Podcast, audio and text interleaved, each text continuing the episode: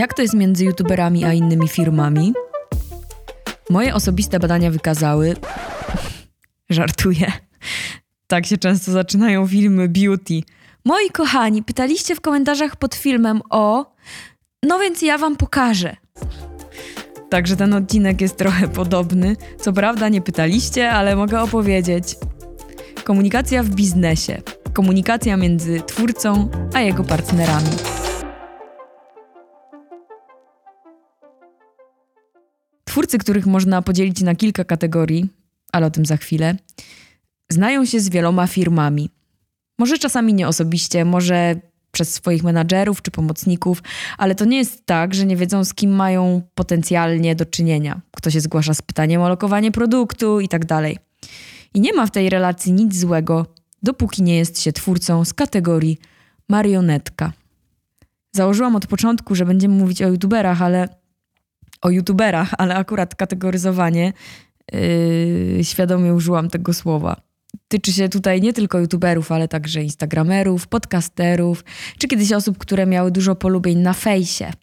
Mówię kiedyś, bo nie wiem, kto teraz w, w obecnych czasach siedzi na fejsie, czy w ogóle zwracał, no czy w ogóle zwraca na niego uwagę, bo face jest już moim zdaniem reliktem przeszłości. Ale do rzeczy. Są twórcy, którzy, to jest ta moja pierwsza osobista kategoria, zbierają kasę co łaska od osób z zewnątrz. Przepraszam za to sformułowanie co łaska, ale to nie moja wina, że po księżach się źle kojarzy.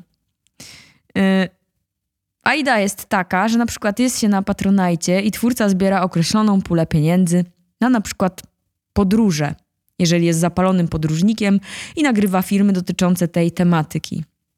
Czyli e, pokazuje ludziom to, czego sami w krótkim odstępie czasowym nie mogliby zobaczyć, doświadczyć, przeżyć itd. Tak I w tej kategorii już na samym wstępie sytuacja się komplikuje. Bo czy twórca, który jest na Patronajcie, utrzymujący swój kanał z datków osób, które go wspierają, może przyjmować hajs za sponsorowane akcje, które może niekoniecznie chce oglądać sponsor, ten patron z Patronite'a, zostawiający co miesiąc kasę na kanale, tak naprawdę no, kasę na kanał. I podaję przykład. Zostańmy przy tych twórcach podróżnikach. Powiedzmy, że ich miesięczny limit to 5000 zł. No więc Adam daje 5 zł miesięcznie, Marysia 50, Michał i Piotrek po 10, Asia po 15 i tak dalej, i tak dalej. Z tego wszystkiego łącznie kanał ma 5000 zł.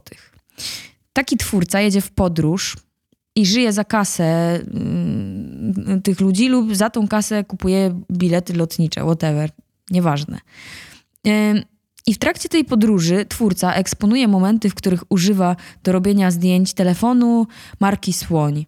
Mówi o tym, co ma świetnego ten telefon, jakie robi super zdjęcia, jak wychodzą nagrania, pokazuje, jak wychodzą nagrania tym telefonem, że sobie super radzi ten słoń i w ogóle wszystko jest super. No i w zależności od tego, jakich widzów ma ten twórca, to jedni będą naparzali w komentarzach pod filmem, że już dość mają tego słonia i że oni nie płacili za to, żeby go oglądać w każdym odcinku. Drudzy natomiast, że fajnie, że dzięki temu słoniowi twórca dostał więcej kasy na wyjazd, a te fragmenty przy okazji wcale ich nie rażą. Mam swoje zdanie na ten temat i wy pewnie też macie. No, każdy ma swoje i super, i dobrze. Wydaje mi się, że to jest tak, że co twórca, to inne emocje z nim związane i być może nie da się sklasyfikować jednoznacznie, czy to jest dobre, czy niedobre, fajne postępowanie i przyjęcie takiej propozycji, czy niefajne. Zupełnie inną rzeczą jest natomiast to, że na przykład na Patronite i to jest taka podkategoria tego, co łaska. E, są też twórcy, którzy nie zbierają pieniędzy na wyjazdy. Filmy kręcone często w niebezpiecznych warunkach, opłacenie wiz, posiłków, które mogą spożyć dzięki temu pierwszemu progowi 5 zł od patrona. Bo często ten pierwszy próg e, pozwala w niektórych krajach na spożycie jednego ciepłego posiłku. Ale do rzeczy. E, są też tam twórcy, którzy umieszczają sobie próg na przykład dwóch czy trzech tysięcy złotych miesięcznie i w sumie nieważne, czy jest to ich główne źródło zarobku, czy też wchodzą do tradycyjnej pracy, w takiej w sensie codziennie, gdzieś tam od 9 do 18, to te pieniądze w ich rozumieniu nie są hajsem na zapłacenie mieszkania i czegoś tam jeszcze, zakupów, ale są w głównej mierze pieniędzmi mm, na na przykład podcast czy felietony, które ci twórcy tworzą. No i tutaj, tak jak w poprzednim przykładzie, yy, też pojawiają się pytania natury etycznej. Wiem, że każdy ma swoją granicę etyczności czy też postępowania moralnego, ale znowu sytuacja jest niejasna. Czy ci twórcy stawiają progi 5, 10, 15, 200 zł miesięcznie, łącznie chcą uzbierać x złotych miesięcznie, bo ich praca jest warta tyle, ile ktoś za nią jest w stanie zapłacić i to do mnie to do mnie na przykład przemawia i w takim razie za tyle samo nie będą codziennie naparzać w biurze. Czy na przykład rodzicom skończyła się cierpliwość do ich dzieci, czyli tych twórców?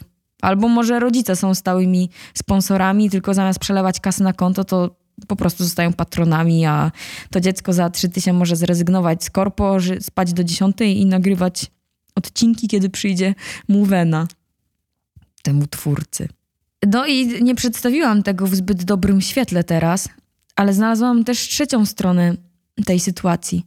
No bo z trzeciej strony, jeżeli ktoś jest pisarzem, to jego głównym zajęciem jest pisanie książek, a nie pracowanie w korporacji od poniedziałku do piątku. Nie jest tak?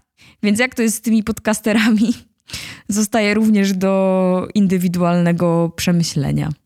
Natomiast jedno jest pewne: pewne jest to, że ta zażyłość między twórcą a odbiorcą jest taka sama, zarówno w przypadku podróżników, jak i podcasterów, bo sponsor chce jednego chce dostać treści, które go interesują.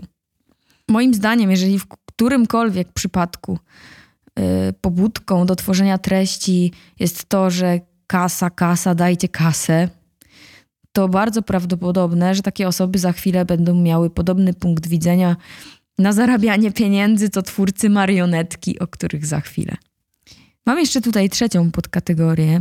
To są osoby, które zbierają co łaska, ale w jednoznacznie słusznej sprawie. I najlepszym przykładem, który przychodzi mi do głowy, i tu już mogę podać konkretne nazwisko, bo absolutnie wstydu nie ma, jest Tomasz Sekielski. Super jest to, że są ludzie, którzy zbierają budżet na to, by pokazać nam, co się dzieje w czarnych zakamarkach naszej rzeczywistości. Dzięki temu człowiekowi nasza wiedza staje się większa, jesteśmy bardziej świadomi, dowiadujemy się tego, y, czego sami na własną rękę prawdopodobnie odkryć byśmy nie mogli, albo byłoby bardzo trudno na te odkrycia znaleźć czas. Moje zdanie jest takie, że warto zostawić na taki cel kilka swoich złotych, co nie oznacza, że ktoś z Was wolałby je zostawić na przykład u podcastera, który opowiada o tym, jak budować swoją markę, czy dlaczego warto coś tam, coś tam. Wymyślcie sobie sami, bo teraz przejdę do kolejnej kategorii. Twórcy marionetki. Utrzymanki swoich mężów. Brzydko to nazwałam i bardzo stereotypowo, ale szczególnie ostatnio widać ten trend na rynku. Utrzymanką jest youtuber, a mężem korporacja, sklep, nieważne jaki partner, ale jeden na pozór nie dyktujący warunki partner. Na pozór. To są twórcy, który na, którzy na przykład y, przechodzą w ścisłą współpracę z tym partnerem i są jego orędownikiem, myśląc, że nadal. No, myśląc, że nadal pozostają niezależni, a w rzeczywistości są, nie wiem, czy świadomie, czy nie, związani supełkiem, który wydaje się mały, a najciężej go rozwiązać. Taki twórca chce być fair, i często nie współpracuje z innymi partnerami, natomiast partner w przeciwieństwie do tego twórcy współpracuje z kilkoma jego kolegami, budując sobie stajnie owieczek napędzających mu sprzedaż. I to już jest dla wszystkich ok. Nie chcę, żebyście mnie źle zrozumieli. Ja nie mam nic przeciwko temu, że jeżeli twórca ma kilku sponsorów, z którymi współpracuje, to sponsor ma kilku twórców, z którymi współpracuje ale często w, w, tym pierwszym przypadku twórcy delikatnie sugeruje się, by jednak był kojarzony tylko z tym partnerem. A co najdziwniejsze, branża gratuluje twórcy przejścia do tego, a nie do innego partnera. Chciałam powiedzieć, że to jest absurd, ale narzuciłabym wam swoje zdanie, więc zdecydujcie sami, czy to jest spoko, czy to nie jest spoko. No i taki twórca y, równie dobrze może być zatrudniony w banku, jeżeli mówimy o banku jako głównym partnerze, lub w tym sklepie, jeżeli mówimy na przykład o sklepie. Bo to, że twórca promuje na swoim kanale YouTube'owym, nagrywając filmy w domu, a nie u partnera w biurze, usługi tego partnera, to jest dla mnie żadna różnica w zatrudnieniu. E, w sensie, czy ten ktoś dostaje hajs za nagrywanie w swoim fotelu, czy w fotelu partnera, to nazwa stanowiska mogłaby brzmieć dokładnie tak samo. I pewnie brzmiałaby sprzedawca po prostu. Zaznaczam, że nie mówimy tutaj o jednej, czy tam, nie wiem, kilkunas, kilku, kilkunastosekundowych informacjach sponsorowanych, czy wykupionym miejscu reklamowym. Często y, też najprawdziwsza prawda to taka, o której zdecydowała ilość cyferek na koncie takiego twórcy. To znaczy, że podam może też przykład. Zanim zdecydujecie się na kupno deski elektrycznej, lepiej najpierw sprawdzić, czy ten ktoś ma jakąkolwiek, ten, ten twórca, czy ma jakąkolwiek przeszłość związaną z deskami. No i też pewnie jaki jest zazwyczaj tego kanału sposób współpracy z partnerami, bo może się okazać, że film jest wyrecytowanym załącznikiem producenta, a twórca stał na tej desce cztery razy na potrzeby nagrania. Twórcy marionetki to też tacy, którym się płaci za lot, hotel i jedzenie parówek premium na evencie, po to by później napisali, że sądzą o recenzowanym produkcie to, co dostali w mailu od PR menadżera. Piję do sektora technologii, ale nie tylko w tym sektorze tak się dzieje. Trzecia grupa to grupa twórców, którzy dzięki temu, że wiedzą, jak zarządzać swoim przedsiębiorstwem, utrzymują się ze swojej przedsiębiorczości i umiejętności zarządzania sobą lub sobą i swoim zespołem. Jest to jedna osoba dobrze radząca sobie trudnych okolicznościach naszego obecnego online marketingu lub kilka osób, czyli małe firmy, Mogą to być też większe firmy, czyli już grupy osób. No i te osoby, z racji tego, że oparły swój system zarabiania na czymś innym niż na portfelu producentów, których produkty recenzują, czy jednej marce, która ich sponsoruje, są wolne od wszelkich nacisków. Są więc bardziej niezależne, a raczej najbardziej niezależne i otwarte na niekonwencjonalne formy współpracy na każdym etapie swoich pomysłów, bo nie mają e, niczego, co mogłoby ich powstrzymywać, dyktować warunki itd., tak itd. Tak no i wbrew pozorom takich osób nie jest bardzo mało. Wydaje mi się, że nie jest ich bardzo mało, ale mm, to pewnie dlatego, że jest y, o nich ciszej niż o tych, którzy tak jak y, marionetki są podpieniążkowani przez firmy, którym zależy na tym, by ich było po prostu wszędzie pełno. Czyli twórców, takich twórców powinno być wszędzie pełno po to, żeby ta firma, która jest ich partnerem, sponsorem, no, żeby też ona wszędzie była. Do tego się to sprowadza. E, podsumowując, wniosek jest jeden i może nawet nieco przygnębiający. Niełatwo odnaleźć się w świecie, w którym coraz częściej łączy się sprzedaż z marketingiem.